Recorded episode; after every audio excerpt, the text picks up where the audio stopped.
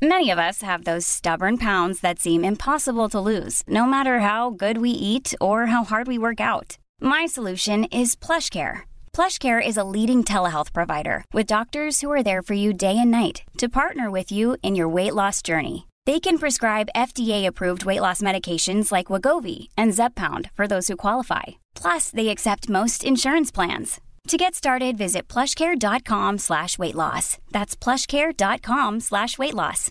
One size fits all seemed like a good idea for clothes. Nice dress. Uh, it's a it's a t-shirt. Until you tried it on. Same goes for your healthcare.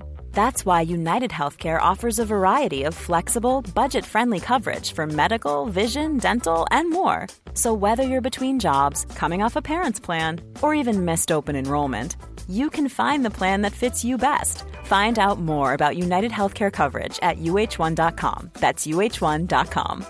Hey, it's Ryan Reynolds, and I'm here with Keith, co star of my upcoming film, If, only in theaters, May 17th. Do you want to tell people the big news? All right, I'll do. Sign up now and you'll get unlimited for $15 a month in six months of Paramount Plus Essential Plan on us. Mintmobile.com slash switch. Upfront payment of $45 equivalent to $15 per month. Unlimited over 40 gigabytes per month. Face lower speeds. Videos at 480p. Active Mint customers by 531.24 get six months of Paramount Plus Essential Plan. Auto renews after six months. Offer ends May 31st, 2024. Separate Paramount Plus registration required. Terms and conditions apply if rated PG. Veckans sponsor är Telia. Hos Telia samlar man mobil, bredband, IT-support, mobilväxel, allt som gör företagande enkelt. Och det är just det här att samla allt på ett ställe, att ha någon att vända sig till när det inte fungerar, det är Telia. Ett exempel på vad som inte är Telia, det är ju som när jag lyckas boka förmötet för en poddinspelning med Finansinspektionen till efter själva inspelningstillfället. Eller när jag här, här året var liksom, fick för mig att jag skulle börja springa, så jag är liksom ute och springer taggad, träffar en kompis som säger så du Jan, på måndag ska jag springa ett lopp. Och jag känner så här, ja men det låter inspirerande, så jag käkar pasta, jag byter om, tar mig ner till Malmö stadion för att göra en efteranmälan, står där i kön och sen så när jag liksom anmäler mig så tittar de på mig och säger så här, du Jan, vårhuset är bara till för kvinnor. Och eh, det var, det var typisk en situation som inte är Telia. Oavsett, ett stort tack till Telia som sponsrar, gör Rika Tillsammans möjligt, men framför allt tack till dig som lyssnar, följer och eh, hänger med oss varje vecka. Välkommen till Rika Tillsammans. Detta är dagens avsnitt. Mm. Sätt att ta ut pengar från bolaget. Ja, men vi pratar om den här prioritetsordningen, de olika sätten hur man flyttar pengar från bolagets kassa till sin privata ficka, det vill säga att ta, ut lön. Vi pratar om att maxa K10, alltså maxa utdelningsutrymmet, eh, naturligtvis om man har möjlighet. Vi pratar om, ska man sedan göra olika typer av pensionsavsättningar, vilka sätt ska man göra dem på då? Hur, hur matchar man en vanlig om man hade varit anställd och andra saker att tänka på. Mm. Olika sätt att spara i bolaget. Ja, men vi kommer också prata om de här direktpension versus tjänstepension versus eh, spara i bolaget, det vill säga olika för och nackdelar. Vi kommer framförallt också landa i att inte komplicera till det och att eh, ge sig självt, liksom att ha företag är att ha ett större möjlighetsutrymme. Och vi kommer prata om hur kan man maxa alternativen så att man har så stor spelplan som möjligt när man börjar närma sig pensionen för att göra det liksom rätt för sig och lite ointuitiva tips. Och där kommer vi ta några så här, som företagare så älskar man ju alla sådana specialare och vi kommer att prata om att till exempel använda periodiseringsfonder ett par år innan. Eh, vi kommer in på att det här kanske med, som jag hade tänkt på innan, att lägga bolaget i träda, det är kanske inte supersmart. Och vi kommer in på massor annat eh, tips. Varmt välkommen till Rika Tillsammans-podden som handlar om allt som är roligt med privatekonomi och livet. Varje vecka delar vi med oss av vår livsresa, våra erfarenheter, framgångar och misstag så att du ska kunna göra din ekonomi, ditt sparande och ditt liv lite rikare. Vi som driver denna podden heter Caroline och Jan Bolmesson. Varmt välkommen till avsnitt 318 som är ett litet bonusavsnitt eh, denna veckan. Det är också ett samarbete och reklam för Pensionsguiden eller då Monica Sjödin som hänger mycket i vår community. Och eh, i samband med detta avsnittet så släppte vi också ett vanligt avsnitt eh, som är så här pension för eh, om man jobbar på ett vanligt företag, man är anställd, man inte har företag. Har du inte lyssnat på det avsnittet så rekommenderar jag nog att lyssna på det avsnittet först innan du lyssnar på det här. För detta, detta om för, Karo, du sa ju så här att förra avsnittet var lite så här nördigt. Detta är nördigt gånger två. Eh, för att här blir det liksom så här, både jag och Monica, vi är ju, och du också, är ju företagare. Och är det något företagare älskar så är det ju liksom så här nörda Ja, jag liksom, vet inte ifall alla företagare älskar att nörda i sin ekonomi. Det, det, det, tror jag inte. Men det kan ju vara ett tillfälle nu i alla ja. fall att få, få, veta lite mer om hur man kan jobba med sin pension i företaget. Ju. Ja, men precis. Mm. Och, och som, som eh, vi kommer in på, det finns så många olika sätt så att detta är inte på något sätt att vi har ambition att ge något totalt slutgiltigt svar, utan se detta som de olika alternativen som finns.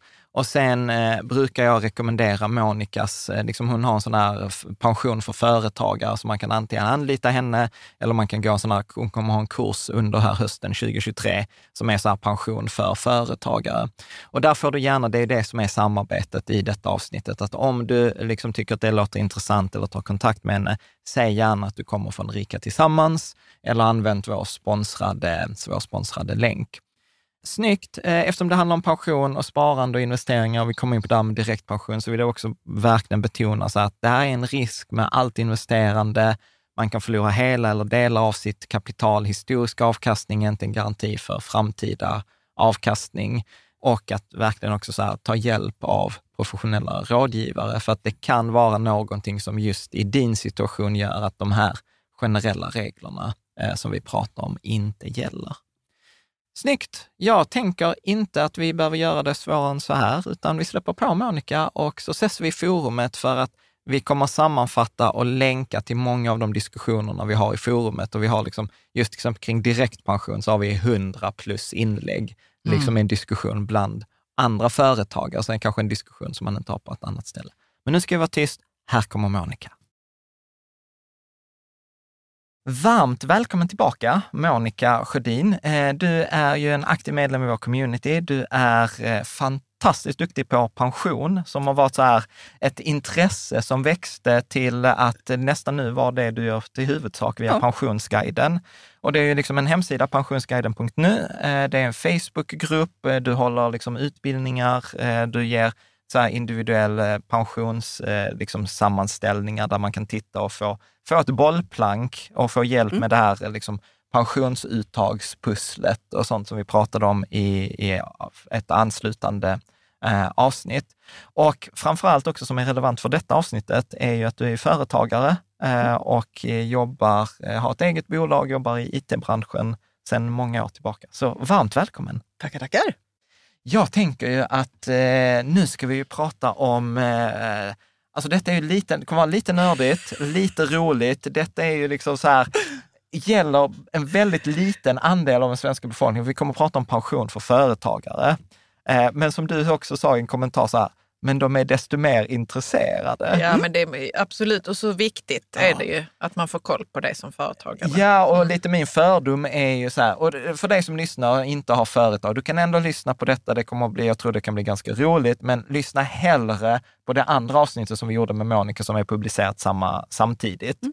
Eh, för att där går vi igenom pension för, för liksom när man är Men det är också många som eh, funderar på att starta företag och, ja. och där det är bra att mm. höra detta också. Ja, mm. och, och framförallt så är det ju, alltså så här, här du, du beskrev det som att eh, liksom, man kan lägga pensionspussel som vanlig person, som ett vanligt jobb.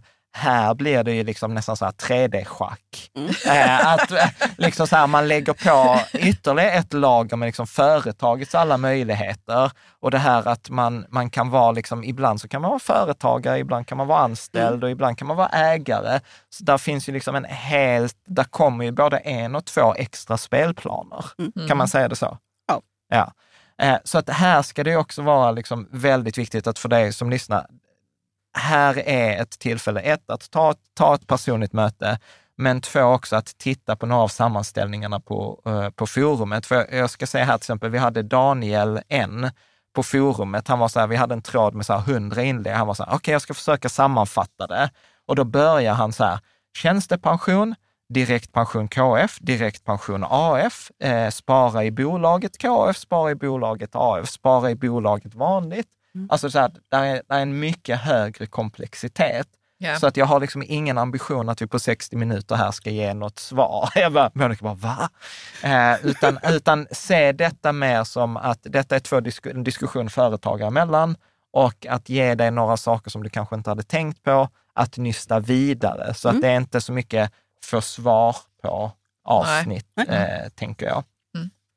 Men jag måste bara ett litet sidospår. Pensionsmyndigheten har gjort en undersökning om pension för företagare. Ja. Visst, har du sett den? Den kommer varje år, Eh, ja, den rapporten. Okej, Ja, jag, det är jag, jag att- var så nöjd att jag, att jag nickade. Men också för att få lite reality check, för att jag tror också ibland så tänker man så här, "Shit, alla har företag och alla som har företag tjänar jättemycket. Och då är det så här, nej, 12 procent av alla företagare tar ut en lön över 46 000. 59 procent tar ut mindre än 46 000 i månaden. 17 procent av alla företag, alltså var femte företagare, tar inte ut någon lön alls. Och nio av tio företagare har varit anställda. Ja. Och eh, det är bara hälften av alla företagare som har varit företagare i tio år. Mm. Så att det är lite så här reality Mm. check eh, kring det där. Men jag tänker, vi börjar eh, i steget så här, uttag, alltså pa, företagarens eviga fråga som liksom många företagare har tänkt på, det är så här, hur får jag ut pengar från bolagets ficka till min privata ficka? Mm. Det är väl liksom sporten alla företagare ägnar sig åt och så har man eh, Skatteverket på andra sidan. som- Borde ägna sig åt i alla fall. Ja, Kanske. Bra. Så eh, hur, hur, om du ska säga måla med den breda penseln, hur tycker du att man ska göra? Så kan jag tänka. För att få ut pengar i företaget. Ja, men så här, vad är ordningen? För jag, eller så här, jag brukar säga så här, börja med att ta ut så mycket lön som möjligt. Det är steg ett, tycker jag. Okej, bra, vi ser redan här Monica grimasera. Okej, då säger jag så här, detta, är- detta är så, som, så här brukar jag tänka. Jag har gärna fel och jag blir gärna utmanad. Men alltså så här, att man ska försöka sikta på att ha en så hög lön som möjligt, upp till typ 50 000 där statlig Ja. inkomstskatt. För att där Det, man, det var skillnaden. ja, ja, Inte så fick- hög lön som möjligt. Nej, okej, bra, jag var otydlig. Nej, men vid, vid runt 50 000 eh, så, så maximeras avsättningen till pension, så som vi pratade om innan i förra avsnittet, 18,5 procent, men så var det bara 93 procent av det där. Men då får du maximal avsättning till pension, du får maximal av, avsättning till så SGI, Försäkringskassan eh, etc. Och sen steg nummer två, maximal utdelning enligt din K10. Mm. Så ta ut, rensa den här K10. Det är alltså K10 för någon som är så här, det är alltså en blankett som man fyller ut till Skatteverket som säger så här, hur stor mycket pengar kan du ta ut till låginko- lågbeskattad kapitalinkomst istället för inkomst av lön? Och sen så kommer, där kommer det tvistade i lärde. Mm. Vad kommer i nästa steg? Ska man göra avsättningar till pension? Ska man spara i företaget etc. Mm. Men där, här, än så länge så brukar jag uppleva att de flesta är ganska överens. Är överens. Vi är överens. Mm. Bra. Och om jag också fattat det rätt så finns det fyra sätt eh, som en företagare kan ha pension på. Mm. Det är, alltså man kan vara tjänstepension precis som en vanlig anställd. Eh, jag kan ha ingen tjänstepension och göra avdrag privat. Mm. Något som man också kan göra som anställd om man är på en arbetsplats utan tjänstepension. Sen kan man eh, spara i företaget och man kan ha något som kallas för direktpension. Eh, håller du med där också? Ja, det är väl lite så grader i. Eh, nej, men jag kan väl tycka att det är mer liksom intressant egentligen att inte bry sig om begreppet pension. För då blir så, då hamnar man i det här tjänstepension, Stressigt. direktpension-träsket. Liksom. Ja, berätta, hur tänker du? Nej, men liksom, hur kan företagets pengar, hur kan jag använda dem för att få ett drägligt liv som pensionär? Mm. Det spelar väl liksom ingen roll, för att om jag istället tar utdelning varje år så kan det fortfarande vara min pension. Mm.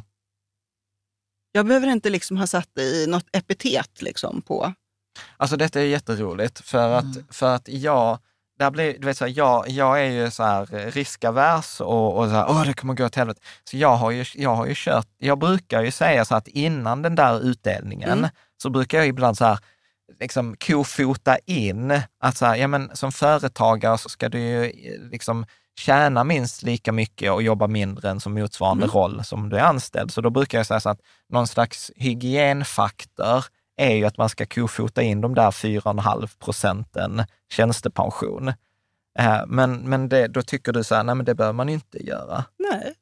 Nej men alltså om du tar en Oh, lågbeskattad... Ja, om du tar en lågbeskattad utdelning som är ungefär 200 000 nu Ja. och så betalar du... På 20 schablon, det är Ja, den här klassiska Ja. 312. Då får du ut 160 000. Ja. Det är en pensionsinsättning, skattad och klar, 160 000 per år. Alltså vad gör man med de pengarna då? Sätter du? på ett ISK. Ja. Ja. Privat. Ja. Så kan jag väl döpa det till the golden years, pensionspengar, happy money eller vad jag nu vill. Det här. Alltså, Mm. vem får en pensionsavsättning på 160 000 per år? Liksom? Ja. Nu får Alltså- du tömma din kopp, Jan, allt som du har lärt dig. Ja, men jag fattar det. Jag fattar det så här rationellt. Rationellt så är jag så här, jag håller med dig. Emotionellt så blir jag så här, ja men eh, du vet, då kan man använda de pengarna till en eh, någonting. Ja, men, vad alltså- Jan? Vad? Men, Alltså- Tesla. Nej, men, nej, men jag, jag fattar Ja, men alltså det. det. Jag, jag, fatt, jag fattar det. Och jag är alltid, jag brukar alltid säga att man ska sträva efter ett så stort möjlighetsutrymme som möjligt och sparar du pengarna själv privat, ja då tar du ingen, du tar ingen spekulation i skatt. För allt pensionssparande är ju de facto en spekulation i framtida skatt. Mm. Det, det kommer vi inte undan. Eh, Men samtidigt så tycker jag ibland att det som många argumenterar som en stor nackdel i pensionssparandet är att pengarna är låsta, du kommer inte åt Ja, dem. precis. Jag Och kan det är ibland- din fördel. Ja, jag kan ibland tycka Och det, det är inte, du- alltså, det är ju många företag som att liksom, även om man vet att tjänstepension inte är det bästa rationella ekonomiska alternativet så kan det trygghetsmässigt vara det. Ja, emotionellt kan det Ja. vara det. Ja. Och att vi, speciellt de som du säger, så många har ju, kommer ju från en historik att vara anställd. Ja. Och då är man fostrad i att, att ha tjänstepension ska man ha. Ja. Och då spelar det liksom inte så stor roll om det är inte den smartaste lösningen. Ja. Och är det så att det är det som makes you tick, liksom, ja, men gör det då. Ja. Ja. ja, men precis. Det, det, är ju det, det är ju det som egentligen, jag brukar ibland tänka så här, företagande, det är ju egentligen att vara ute på spelplan utan massa livlinor. Mm. Och här kan du, alltså som anställd, är du på en kollektivavtalsansluten arbetsplats, som vi pratade om i hela förra avsnittet, Mm. det är superbra, så har du en livlina. Men du kan liksom inte koppla bort den livlinan. Men som företagare så kan du koppla bort livlinan och säga så här, no tjänstepension for me. Mm. Liksom. Men då behöver man ju liksom vara ansvarig i andra änden och hantera då dem. Okej, men jag tar utdelning istället, jag lägger detta på mitt ISK. Och sen ha disciplinen att eh, inte... Vad där och röra inte- dem, ja. vara Mm. röra. Problemet blir ju för de som inte tjänar upp till 600 000, som inte har maxat Mm. den allmänna pensionen och inte kan ta en utdelning. Ja. Eller väljer att ta en lägre lön och ta utdelning, vilket gör att man då missar allmän pension istället. Men du, vet du vad? Det där, det där, nej, men det där är en intressant grej. För, för det är också så här, alltså det, detta låter så, du vet, så dumt när man inser det, för då är det självklart. Men, men där är det ju många som tänker så här, jag ska ta ut lägre lön och så tar jag utdelning. Men Pensionsmyndigheten som kommer från pensionsperspektivet, de skriver ju rakt ut att det är dumt. Ja, Eh, det är det ju. för att då, då får du ju inte liksom avsättning, de här 18 procenten på, på din pensionsgrundande inkomst. Sa jag rätt nu? Ja. Ska man, men är- är det så pass hårt att vi skulle säga så här, ta inte ut utdelning innan du når upp till, till statlig brytgräns? Ja, men jag skulle lägga till spara privat. Att, Ja. alltså, för det värsta är ju att om du har de här som inte tar ut någon lön eller tar ut en låg lön Mm. och inte har några pengar till någon utdelning, nej, men de har ju ingen pension. De har ju bara den allmänna pensionen sen. Ja. Så där är det ju liksom antingen spara privat i en ISK eller en Ja. KF eller göra avdrag i, med pensionsavsättning. För där får du ju, om du sparar privat i en IPS eller en privat pensionsförsäkring så får du ju då avdrag på skatten, men Ja. du behåller din pensionsgrundande inkomst. Ja. ja. Men, där, men, där är det också, liksom- men, men där är det också så, för där läste jag några specialregler, att det där avdraget som om du hade liksom haft tjänstepension Mm. i privata, då får du inte ha gjort något, någon prem, eh, tjänstepensionsinbetalning de senaste 12 månaderna. Nej. Så att det där eller kalenderår eller något sånt. Ja, där. Jag vet, ja, men det är 12, liksom, 12 ja, något sånt månader, där. något sånt. Men det där är ju då relevant för att om jag fattade rätt där, för har du då jobbat tre månader så, så har du liksom bränt, du har smittat de resterande Mm. månaderna eh, liksom för att ta ut tjänstepension. Eh, där, det kan vara du, en, en annan grej, så när vi ändå är inne på de här specialreglerna kring tjänstepension, så var det någonting som jag lärde mig förra året och det var att man kan göra en, en extra inbetalning till, eh, så här, om man har haft låg tjänstepension, till exempel företaget har inte gått så himla bra i ett antal år, men nu går företaget bra, så kan man göra en ganska stor engångsavsättning. Man kan, eh, Alltså, köpa ikapp. Köpa ikapp. Mm. Kan du säga någonting mer om det? Man räknar ut vad man skulle ha fått om man hade haft ett vanligt avtal typ och vad som är rimligt. Och så får man betala in. För normalt sett har du begränsning att du får sätta av 35 procent. Upp till 10 prisbasbelopp. Ja, precis. Så Av 35 500 000, procent av din lön Ja. kan du sätta av i tjänstepension, så här avdragsgill, eh, som är så här, det är förmånligt. Ja. Men då är det upp till, ja precis, vad sa vi, 500? 500 000. Ja. 10 prisbasbelopp. Ja, men, men om du gör den här engångs eh, komma ikapp-betalningen så kan det bli mycket större belopp eh, än det där. Ja. Och jag vet ju att det där eh, bad jag, jag har ju min tjänst, eller vi har vår tjänstepension på, på Avanza och jag bad ju, för Karo har ju både doktorerat och, Mm. och vi hade inte liksom så fett ett tag så att vi hade, du hade ju inte en bra tjänstepension. Och du vet, då kom, Universitetet. Ja, nej men då, och då, kom, eh, då fick man skicka in massor av underlag. Så här, hur mycket har du tjänat under de perioderna? Bla, bla, bla. Eh, och sen får du tillbaka från Avanza en Excel-fil. Ja. Och du vet, jag höll på att trilla av stolen, för det var så här, ja, ni kan betala in så här 700 000 om ni vill. ja. och det var så här, utöver, utöver de där 500 000 som man har det året. Så jag var så här, Alltså jag är ledsen, men jag har inte 1,2 miljoner. Sorry Carl, du fick inte 1,2 miljoner. Så jag här, ja, vi väntar med det där till, eh, till någon, någon gång i framtiden. Så att det kan vara bra att veta. Ja. Fun- funkar det där egentligen för, en, för en, om man är vanlig liksom, anställd också? Att göra ett engångsbelopp. Alltså, ja, det, det, Alltså, utan det Ja, där, men så där är så, så, 35. så, men säg så att jag, liksom så här, jag jobbar, vi har en kompis, eh, Kajsa, Mm. hon har jobbat i logistikbranschen. Mm. Och sen, sen var hon så här, nej jag vill bli läkare. Så gjorde hon så här 13 högskoleprov Mm. och, och liksom kom in på läkarlinjen. Nu är hon typ en av de bästa på läkarlinjen. Om hon nu blir läkare, då kan hon ju få mycket högre lön och Mm. mycket större ersättning. Kan hon då få, liksom som anställd läkare, liksom skulle kunna få för de åren hon jobbar som liksom logistikansvarig? Vem skulle betala den? Ja, Men Men alltså om, att hon hon själv, själv, om hon eh, själv skulle göra det till exempel. Mm. Det har jag svårt att tro. Ja. Alltså, det, då för, då, för då har hon ju en tjänstepension från arbetsgivaren och då Ja. är hon per default går det ju inte att Ja, ja, okej. göra Ja, någon hon får privat själv avdrag. spara. ja, Ja. Ja. Och vilket hon kommer kunna ja. med ja, tanke nej, på den lönen som Ja. hon kan få Det kan någonstans vi- ute på det kan, landsbygden. det kan jag säga, vi har sett, jag har, jag har sett de trådarna. Vill man ha dåligt, då, dåligt självförtroende i tjäna pengar, gå in i någon av läkartrådarna på forumet. Mm. Eh, Men då tänker du man har dåligt Tror självförtroende? jag, om man tycker att man har en bra lön, Mm. så gå in i en, en, av läkartrådarna på forumet så kan man inse så så kan man få dåligt så, självförtroende. så kan man få dåligt självförtroende i att man har låg lön. liksom. Bra.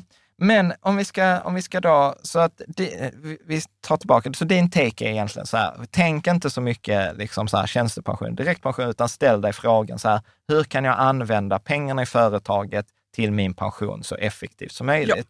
Och då kan svaret vara lite de här ointuitiva, så här, men jag tar utdelning och sen så investerar jag dem privat och sen så har jag dem själv sparade till min, eh, till min pension. Ja. Eller ta lön sen. Ja. Det är ju också ett alternativ.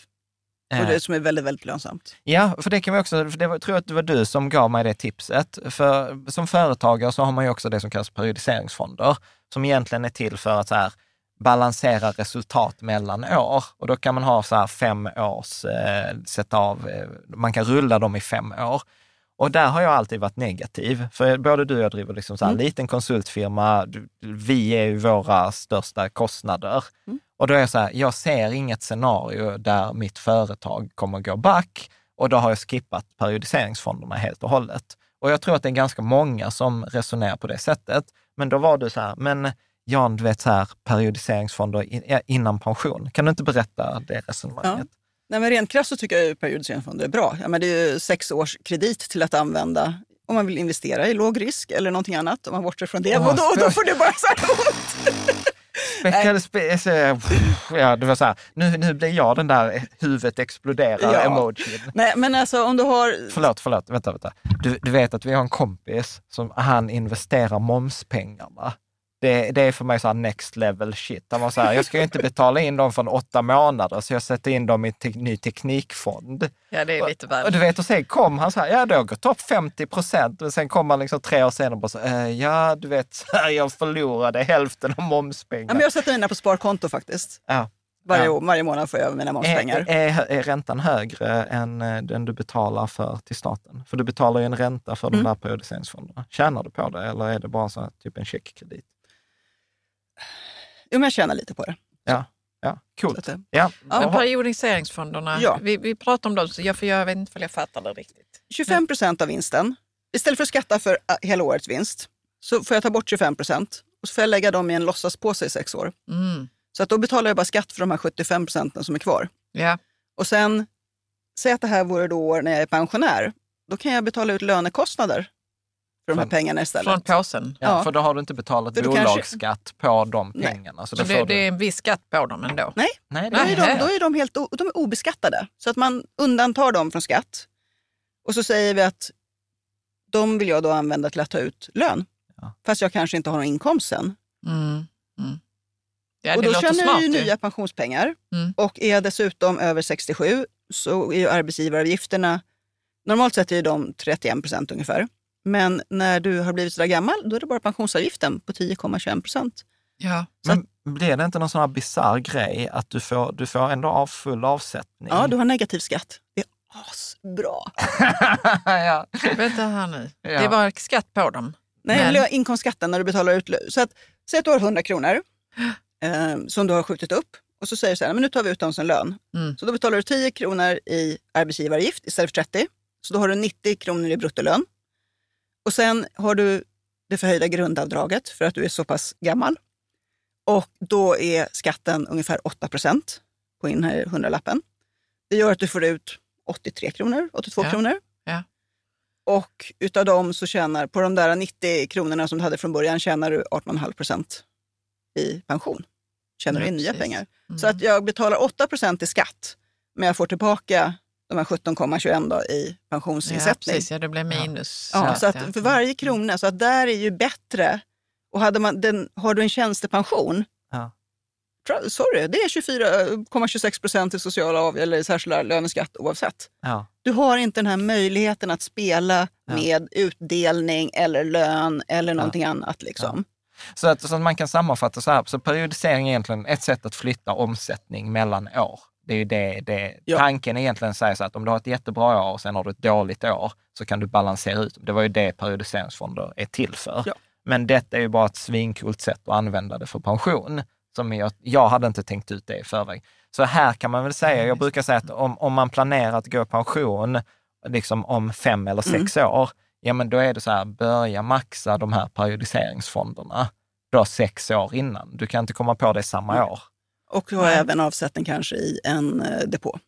För då har du ju skattefria pengar där också, som du också kan använda till lön. Ja, det, det kan vi också säga, för, för det är så här också klassisk fråga. För Det bara kommer nytt hela tiden. ja, men, så här, detta är så här fakta. Man, man får se detta eller lyssna på detta avsnitt två gånger eller läsa Ja, i trådarna. Skriva samtidigt. Men- fast det här är ju så sjukt lönsamt om man nyttjar det här på rätt sätt. Exakt, alltså så här, man kan tjäna mycket pengar på att göra det här rätt. Det är ju därför folk är så, liksom, för, företagare är så här lite överintresserade av, av det här.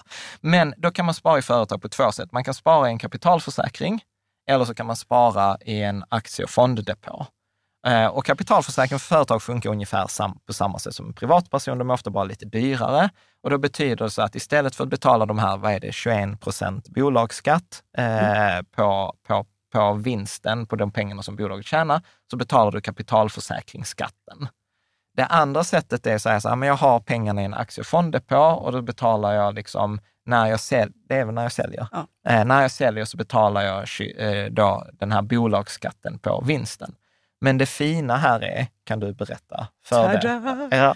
Nej, men de pengarna är ju oskattade, precis som periodiseringsfonden. Så då kan ju du göra det här spelet med låg lön.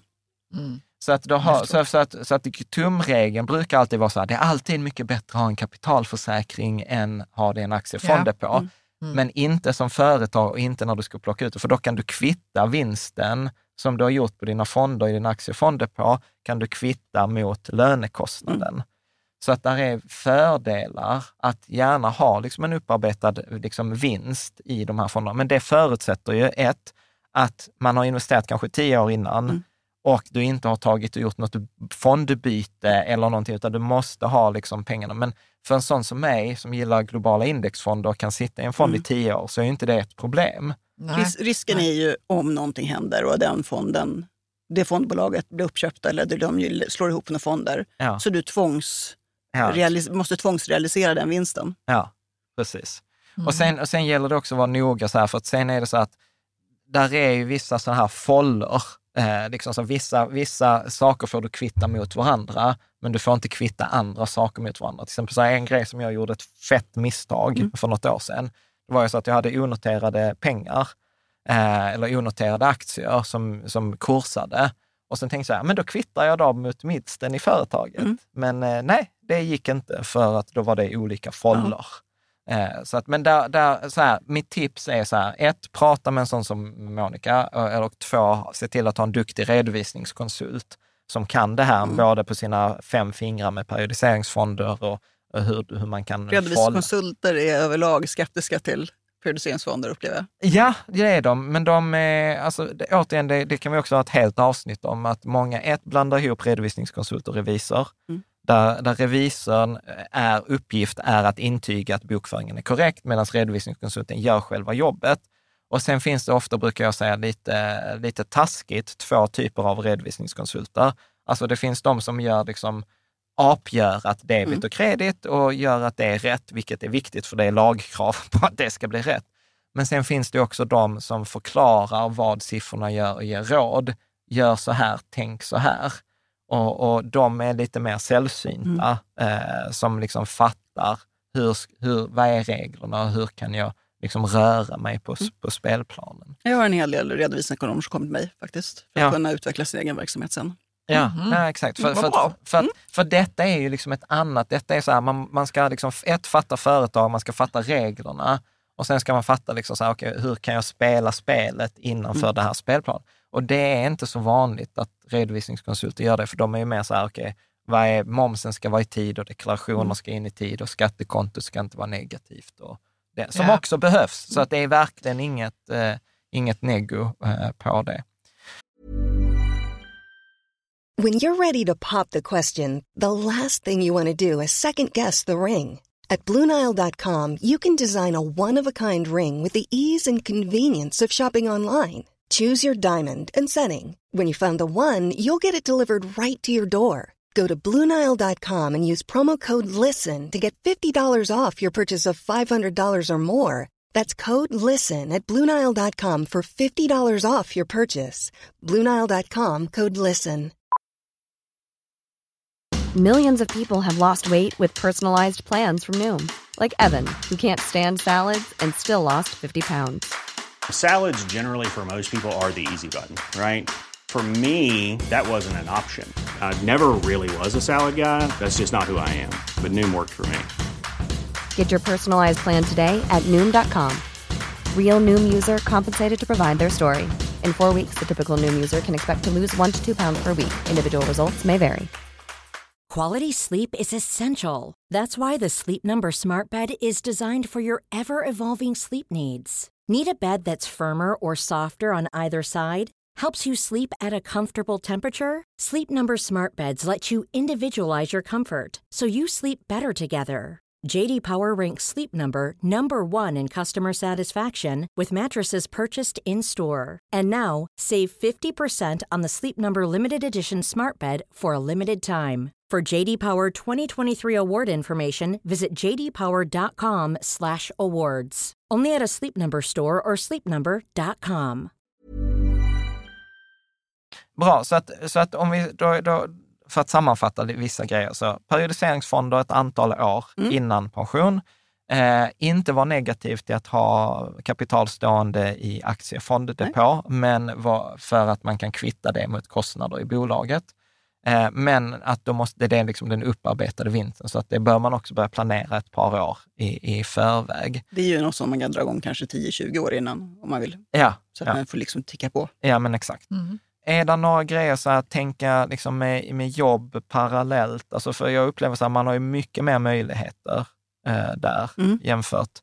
Eh, har du några tankar? Nej, men alltså, kan man driva bolaget vidare och få en inkomst på, jag vill säga 150 000 om året eller någonting sådär, så jag jobbar lite bara. Så Mm. får man ju då, jag menar, säg att du har en inkomst på 120 Mm. och så skattar du 10% på det och så liksom 8% skatt. Ja, men du får ju ut väldigt mycket. Mm. Du kan ju få ut 10 i månaden nästan, eller 8-9 i månaden. Ja. Och detta är när man är i pension Ja. som företagare. efter, eller efter Mm. 67 års ålder. Efter 67 års ålder. Mm. Efter 67. Och även innan så är det ju bra att, ha en, att kunna utnyttja jobbskattavdraget varje år.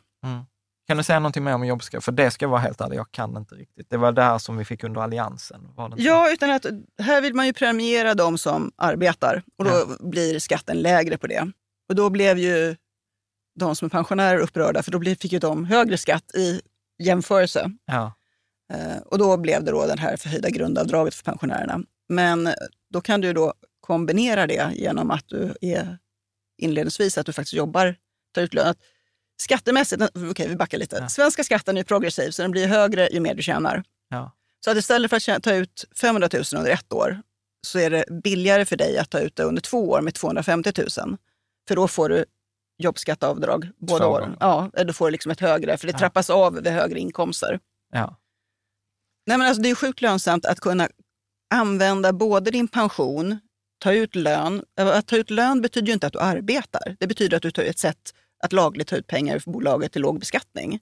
Använda din utdelning och använda ditt privata sparande och kunna pussla det här Mm. optimalt. Mm. Är, det är lönsamt. Ja, men det är lönsamt, men, Alltså, men det, kan, och det, det, det är många tusenlappar. Ja, ja, ja. Det är många, många tusenlappar. Och du jämför du din tjänstepension, jag är ledsen Johan alltså, men det, så du har, inte den spe, du har inte den spelplanen. Du har satt igång en tjänstepensionsutbetalning och den ligger. Du har Ah. noll flexibilitet. Ah. Ja, jag får Vad tänker du nu Jan? Att jag har gjort fel i 20 år. Ja, Eh, men, Nej, du, har gjort efter bästa förmåga efter det du kunde och visste. Ja, tack. Ja. Nej, men det är roligt för jag vet att det är andra i forumet, Ola Morin också, han var bara så här, Jan, sluta, bara sluta prata om att man ska ha tjänstepension som, eh, som företag. Jag fattar, jag har inte tänkt riktigt så långt, Mm. utan jag har, jag har ju varit så här, man, man ska vara duktig och, och man ska ha en tjänstepension. Mm. Liksom. Och så känns det ju bra när man loggar in på min pension Ja. och så står där liksom så här, tjänstepension. Och så, eh, bra. Det är bra duktighetspoäng. Det är men massor! Det är, ja, men det är fake-poäng. Nej! Det, men gud, det kommer vara detta avsnittets citat. Ja, det är fake vuxenpoäng. ja, men du har rätt. Du har rätt. Alltså, du, du vet, jag ska ju knappt, jag, knappt jag vågar erkänna hur mycket vi sätter av eh, till pension. Jag har ju, vissa har jag ju maxat de där 35 procenten. Okej, men nu kommer vi att göra... Fortsätt. Nej, men vi kommer väl inte fortsätta med det, eller? Eh, Senare diskussion. Det Nej, men hur mycket förlorar vi på att göra så? vi Jan? förlorar jättemycket flexibilitet. Och Flexibilitet, Nej, nej du okej. förlorar mycket pengar på det, tycker jag. Ja. Men Vi- Jan, vi det kan är ju- no shame, no Nej. blame. Nej. Nej. Det finns inget sånt, utan det är mer att man nyktert behöver titta på det. Så okej, men vad kan vi Men göra okej, men- nu då? Liksom? Men bra, men om vi tar det så här, så om Ja. jag skulle sluta, så här, okej, det som försvinner är till exempel premiebefrielsen, så därför Mm. försvinner försäkringsmomentet. Ja, fast det, det behöver, många vet jag behåller liksom hos Avanza och så sätter man in minimibeloppet 500 kronor. Ja, Så har du kvar försäkringarna. okej. Ja, Och det var ju skönt ju. ja. Nej, men vet, jag har Okej, vi fortsätter men jag på har ju, denna du vet, linjen du vet, Jag har ju mina nattsvarta scenarier, så här, du vet, så här, vi sätter av, jag, jag tror, alltså just nu sätter vi av till Caroline, jag tror 8 000, 9 000 i månaden. Ja. Och så har jag varit så här, ja men du vet om något händer, eh, så, så fortsätter ju de 9 000 Ja. i månaden till 65. Men jag, alltså jag, jag, fattar, jag hör ju mig själv hur dum jag låter. Vi, vi, vi, vi, vi, Nej, vi bara Jan, fortsätter. Jan, vi skulle Ja. prata om så, vad, vad kan man göra annorlunda nu då? Liksom. Ja, ja, men och det då är bara har, att sluta. kommer Monica och säger så, ja då kan du sätta av 500 kronor i månaden istället så har du kvar försäkringen. Ja, alltså trick, Fine, trick, liksom. tricket är egentligen vad jag borde göra. Det rationella, det rationella att göra är det så här, dra ner Avanza till 500 kronor i månaden och sen flytta de pengarna till en, eh, liksom en Lysa-depå eller Lysa KF, där får man ju se, Men, eller Lysa AF och sen egentligen bara kalla den för eh, liksom pension. Inte Lysa AF för att de gör fondbyten och då Jag blir det på vad du beskatt. pratar om nu. AF, aktiefond, KF, Ja, Lysa kapitalförsäkring. Ja, precis, så att vi sätter istället för att vi betalar ut de pengarna till, Ja. till din tjänstepension, så gör vi, då kommer man in på det som då börjar, börjar likna en direktpension i företaget. Att man sätter, okej vi sparar de här pengarna i företaget till dig i en depå. Men du har, får också, du sparar inte själv? Nej, jag sparar inte lika mycket till mig själv. Nej. Eftersom Nej. jag har högre tjänstepension än du. Så vi Mm. har ju gjort sånt Mm. val att vi, vi lägger av mer pengar till dig än till mig. Mm. Men det rationella där är att sluta med det och ha dem så att, peng, så att bolaget sen har flexibilitet Mm. att antingen ta ut det som utdelning eller lön eller någonting annat. Men eh, ställer du dig då i direktpensionslägret? Eh, Så länge du inte tar ut som tjänstepension, så, tar ut, så länge du inte tar ut som pension så är det helt okej. Vad är Mm. nu direktpension? Så direkt, nu ska jag försöka förklara det, eh, så får du rätta mig om jag har fel. Men direktpension är egentligen så här, så att man gör det du och jag säger här nu, Mm. så att vi slutar lägga in pengarna i en tjänstepension, men då hade jag ju som företag kunnat säga, ah, gud vad skönt, jag behöver inte betala till den här Caroline, utan nu får företaget mer pengar. Men det vill ju inte du, utan du vill ju fortfarande att de pengarna ska vara allokerade till dig. Så då kan man liksom mejsla ut i företaget juridiskt genom att skriva ett antal avtal. Så säger man så här, okej, de här pengarna i bolaget är Karolins. Är med? Mm. Och, och då gör man det med ett juridiskt avtal och det ska pantsättas etc. Och det finns företag som gör det och det kostar 10 till 20 000 kronor ish att få de avtalen på plats. Och då är tanken för att om företaget går i konkurs och som jag plötsligt skulle gå bananas, så vill ju inte du att de här pengarna ska försvinna Nej. än med. Så då är de skyddade i en konkurs. Vad de däremot inte är skyddade mot är ju att jag hade ju kunnat lösa upp dem Mm. och sen använda pengarna. Förstår du? Så att detta är direktpension. För mig är det så här, det gör man ju typ bara i ett bolag som man kontrollerar själv. Mm. Mm. Kan man säga så? Ja. Så att då, då är vi inne på så att, så att ett, det är ett juridiskt avgränsat eh, område, ofta en depå eller en kapitalförsäkring. Och kapitalförsäkringen kan ju bolaget, alltså Avanza eller Nordnet till exempel, hjälpa till med den här juridiska biten och då är det ju inte alls samma kostnader. Nej, precis. Nej, så att det, är, det är en juridisk, så det är en juridisk konstruktion. Det, för man, man behöver hjälp med, med den. Man kan göra det med Avanza Nordnet, man kan göra det, och det finns andra bo- bolag som hjälper till med det. Och då kan man sen i framtiden då lösa upp den här eh, grejen och få pengarna i bolaget och kunna använda dem just då på det sättet att till exempel till lön eller till utdelning eller betala telefonräkningen Ja. eller whatever. Har jag förklarat det rätt? Ja, men Ja. väljer man då att göra det som pension istället så blir då, slip, då är det ju de här höga särskilda löneskatten och då gör man det på utbetalt belopp istället för inbetalt belopp. Men hur blir det någon skillnad då? Alltså, för, alltså någon, jag fattar inte. Nej, men om du sätter av, om du, din tjänstepension sätter av 100 000 idag Ja. och så ska du ta ut dem om 10 år Ja, och då är det värt ja, det dubbla eller någonting. Då har du ju betalat 24 procent i sär- särskild löneskatt på de här 100 000 I tjänstepension. ja, i tjänstepensionen. Ja, inte i men, direkt. men hade det varit direktpension så Ja. hade vi satt av 100 här. Ja, De är värda 200 här borta. ja. Och då får du betala särskild löneskatt utifrån de här 200. Jaha. Så att men, det om, blir- men, om, men, men om jag bara, liksom, jag bara löser upp den, betalar jag löneskatten då? Nej. Det, Nej. Nej, utan det är just det att om du säger att du ska ha det som pensionsutbetalning, som vissa gör då, det är då det är bedrövligt dåligt. Ja, men jag kan väl bara säga att det är vanlig lön? Ja, vanlig lön eller utdelning, inga problem. Ja, exakt. Ja, men bra. Men där brukar ändå vara eh, några, in, jag ska ta några invändningar, för vi har en tråd på 100 inlägg på den här direktpension, tjänstepensionssparande i bolaget i den tråden. Och jag tyckte ändå så här, det var, det var Rickard eh, Nylund här som kom med några invändningar. Han var så här, jag är inte negativ, men här är några saker att tänka på. Eh, så är han så här, ponera att du inte orkar driva bolaget och önskar lägga ner efter tio år. Ska du hålla bolaget vid liv för att ta ut kapitalet effektivt? Mm. Och det, Det är ju en relevant fråga. det är en relevant Mm. fråga. Mm. Och så här, ja, beroende på hur mycket pengar så kan det vara relevant Ja. att hålla det Ja, i liv ja. för att det blir så lönsamt. Han skriver så här, bolaget nekas lån från banken för att göra investeringar om inte bolagets kapitaltillgångar används först.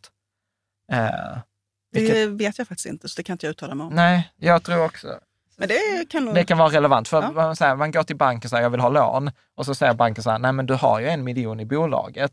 Vi vill att du använder dem. Så säger jag så här, nej men det är till mina pensionspengar.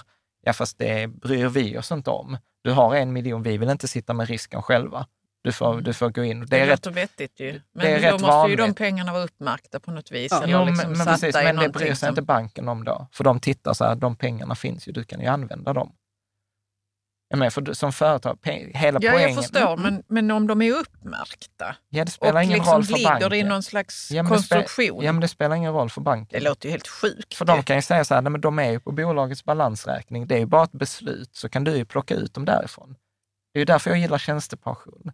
Ja, Så- jag, jag förstår det. Jag, jag, För alltså, det- det för känns som jag vill lägga mig ner, för jag känner det så. Det är så hjärndött liksom. Ja.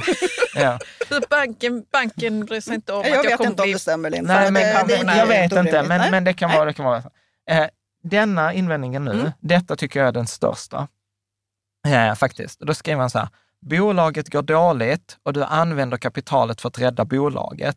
Då kan eventuellt både din framtida inkomst och bolaget försvinna om bolagets resultat inte vänder. Och detta har jag ju sett så många gånger, alltså många företagare, alltså så här, ens företag är ju ens barn och man gör allt för att Ja. rädda sitt barn och man betalar sina anställda eh, liksom före man betalar sig själv etc. Och då kan liksom så här, nej men du vet så här, elpriserna går upp som vi hade förra sommaren på liksom bageriet och säger så här, shit, du vet vi kommer gå i konkurs. Ja men vi har 200 000 här. Ja, Ja, visst. vi kan använda de pengarna för att driva bolaget liksom vidare.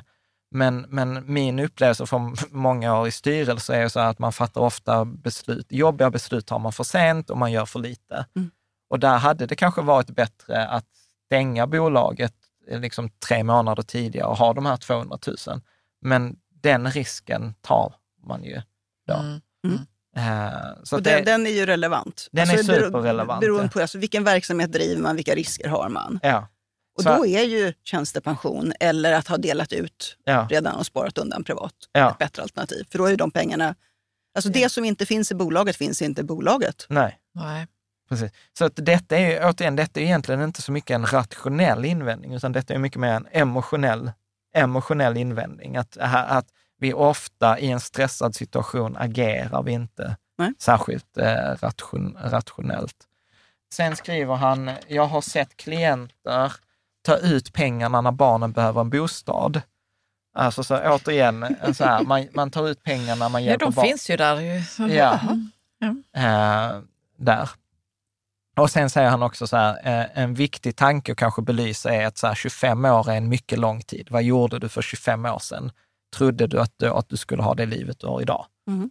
Eh, så att det, det är liksom så att, så att där, där kommer ju så här, kan man säga det, frihet med ansvar. Ja, och då kan man ju titta under kanske, ja men du är ju ung, Ja. är det rätt utseende? Men liksom, ja, men för er kanske det är rimligt att ha tjänstepension mer nu. Ja. Medan jag som är tio år äldre eller vad det nu blir, för mig är det mer rimligt att ta ut utdelningen.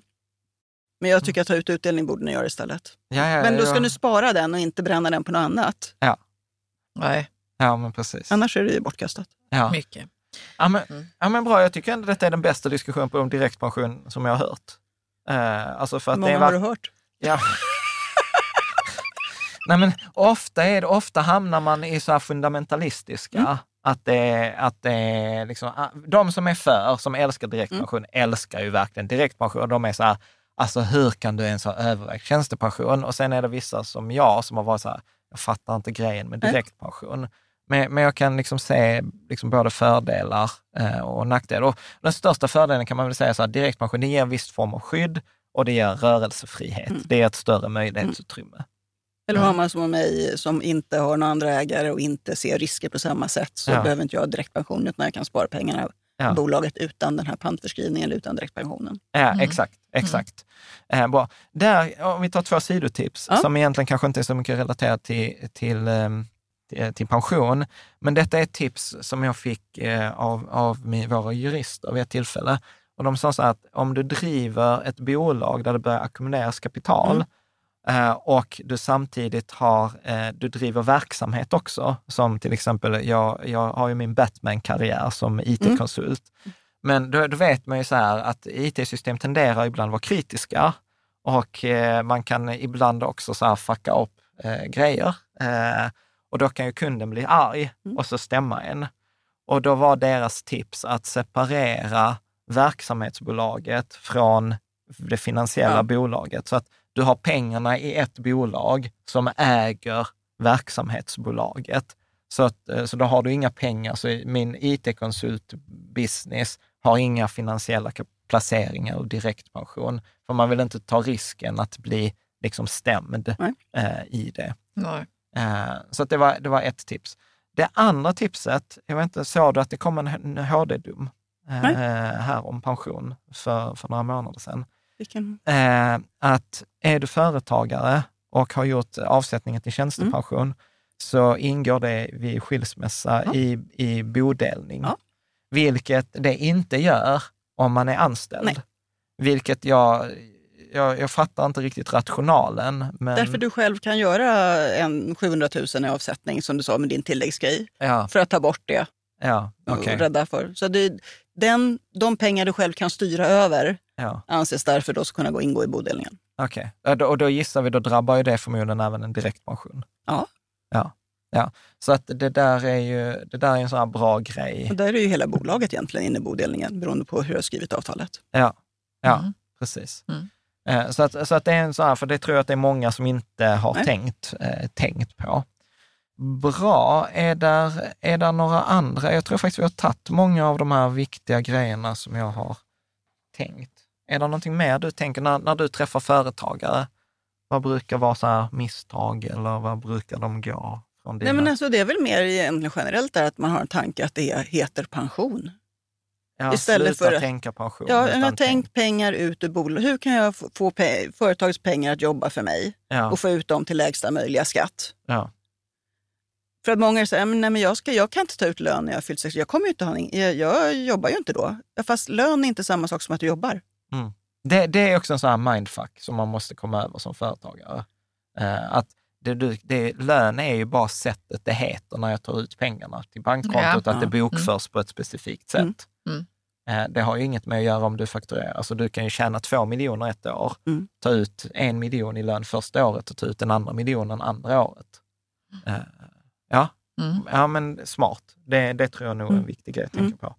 Det fler grejer? Nej, och sen är det att många är vana att eh, bränna utdelningen. Det är mina lyxpengar, mina guldkantspengar jag tar ut. Ja. Att det är många när man pratar liksom att nej, men sluta spara tjänstepension eller att fundera på att liksom, men skulle du kunna sätta av utdelningen? Och, nej, men, ja, men vi ska ju renovera huset och det är sommarstugan och det är båten och resan till Thailand. Liksom. Ja. ja. Okej, så eh, och då gör man inte de grejerna med de pengarna? Jo, man gör ju det. Ja, ja. Men om man skulle skita i det då? ja. Att Eller inte ha, använda dem, en att, del av dem att till inte sin ha pension. guldkantspengar. Ja, kanske använda en mycket liten del. Ja, men säg att man tar hälften. Mm. I, för jag menar, om du satte av hur mycket man satte av dig i tjänstepension innan, Ja. så var ju det oskattade pengar. Nu är det ju skattade pengar som du har fått ut. Ja. Och där kan man också säga, som, som egentligen när vi pratade i början, tanken är väl liksom alltid försök att få ut så mycket pengar till din liksom privata Mm. ficka som möjligt. Alltså det är därför vi pratar så här, upp till statlig inkomstskatt, det är målet. Lön, ja. Mm. Lön och sen maxa K10 eh, etc. För att där kommer ju också med jämna mellanrum. Detta är, detta är ju det som kallas för 3.12-reglerna, som de flesta företag har talat om. Att det är så här, I skattelagstiftningen, vad är det, tredje kapitlet, tolfte paragrafen. Ja.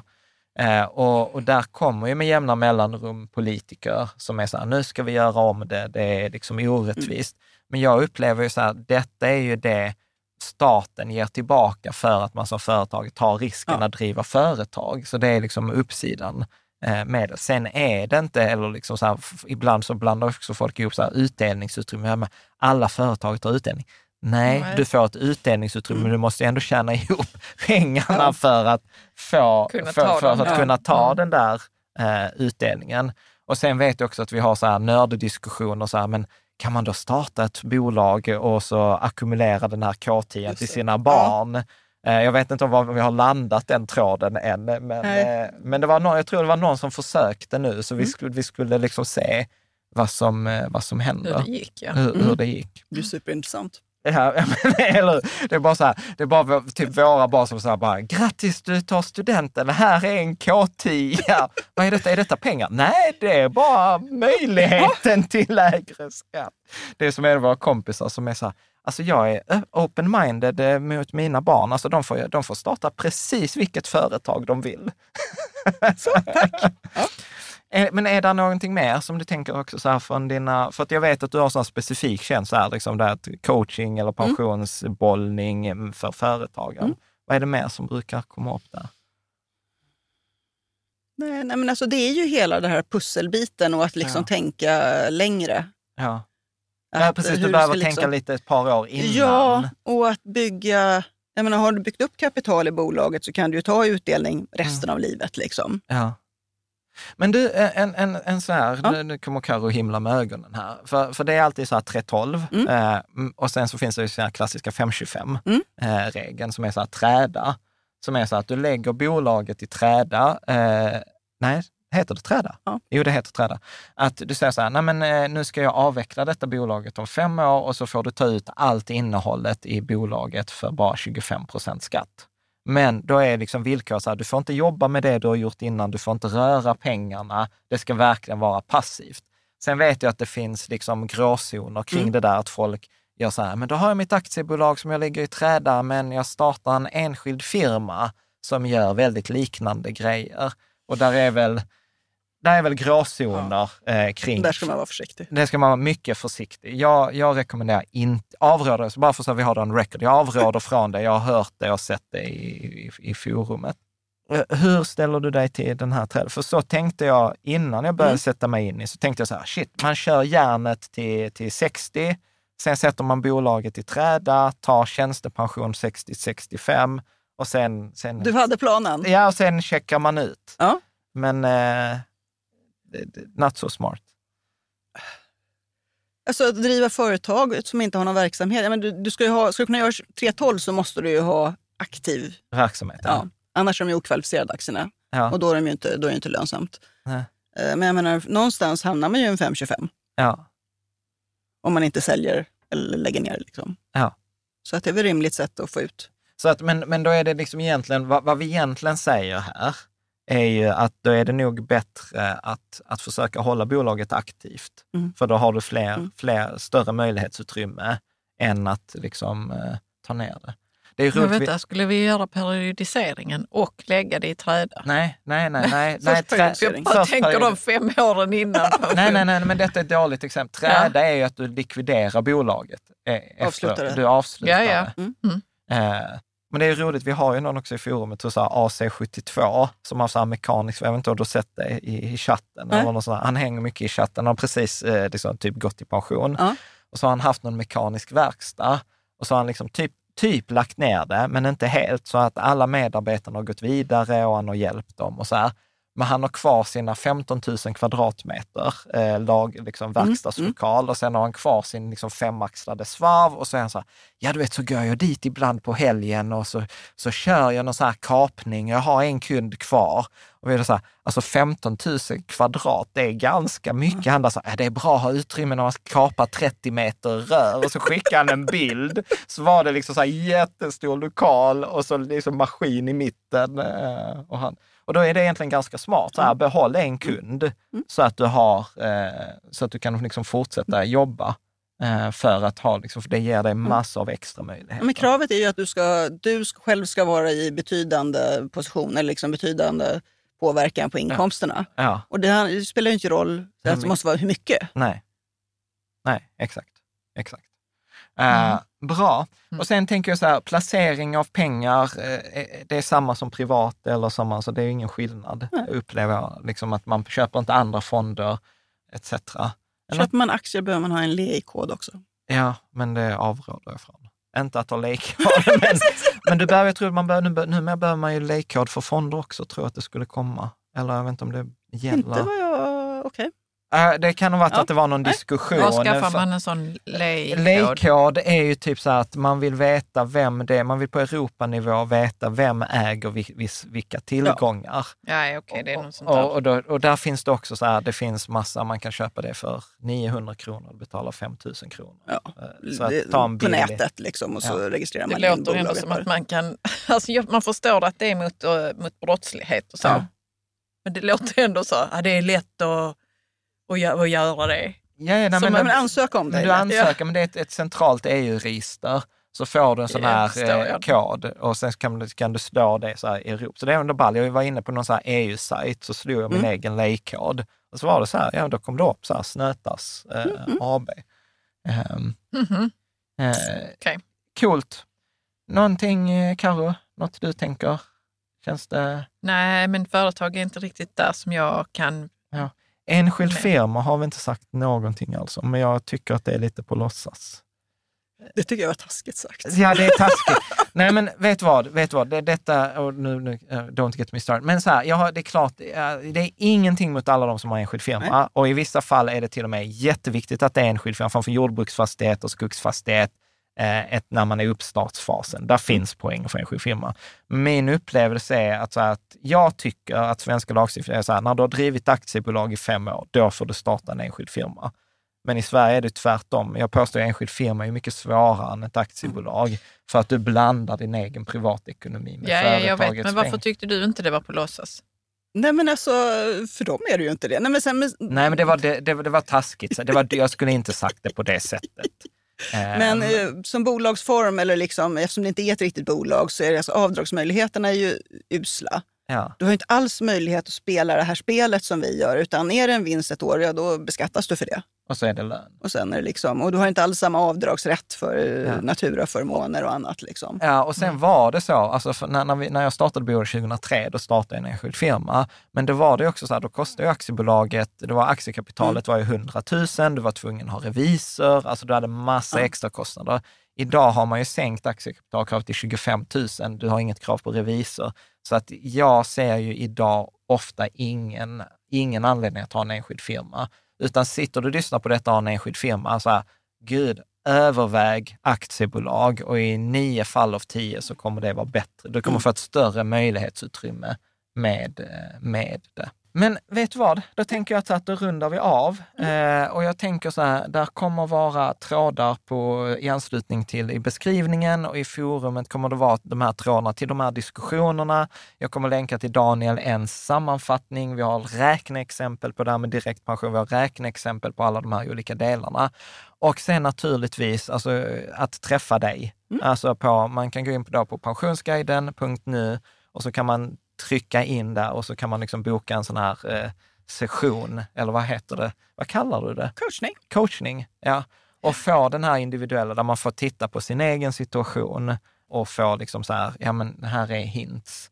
Och jag tror att liksom, som, som vi säger så här, jag brukar rekommendera att göra det som privatperson, för där Mm. finns pengar att tjäna. Alltså som företag, det är typ dubbelt så enkelt att tjäna pengar som företagare. Och jag drar igång en föredragskurs i mitten på september tror jag det är. Och sen även en privatkurs också. Ja, det- precis. Och, och du får vill. gärna använda vår sponsrade länk eh, till eh, Monikas hemsida eller om du går och lyssnar på detta och inte vill använda sponsrad, bara säg Rika Tillsammans när du, när du anmäler dig. Och sen hänger, brukar du hänga i forumet också och vara generös och dela med dig eh, liksom kring, kring resonemang. Ja men snyggt. Du Monica, ett fantastiskt stort tack för att du ville ta dig till oss. Tack för att du hänger i forumet. Tack för att du utmanar får mig känna mig lite så här jobbigt i magen. Men, men, men då är det ju som det ska vara. Då har, då har man ju växt och lärt sig någonting nytt. Tack, Tack, så mycket. tack.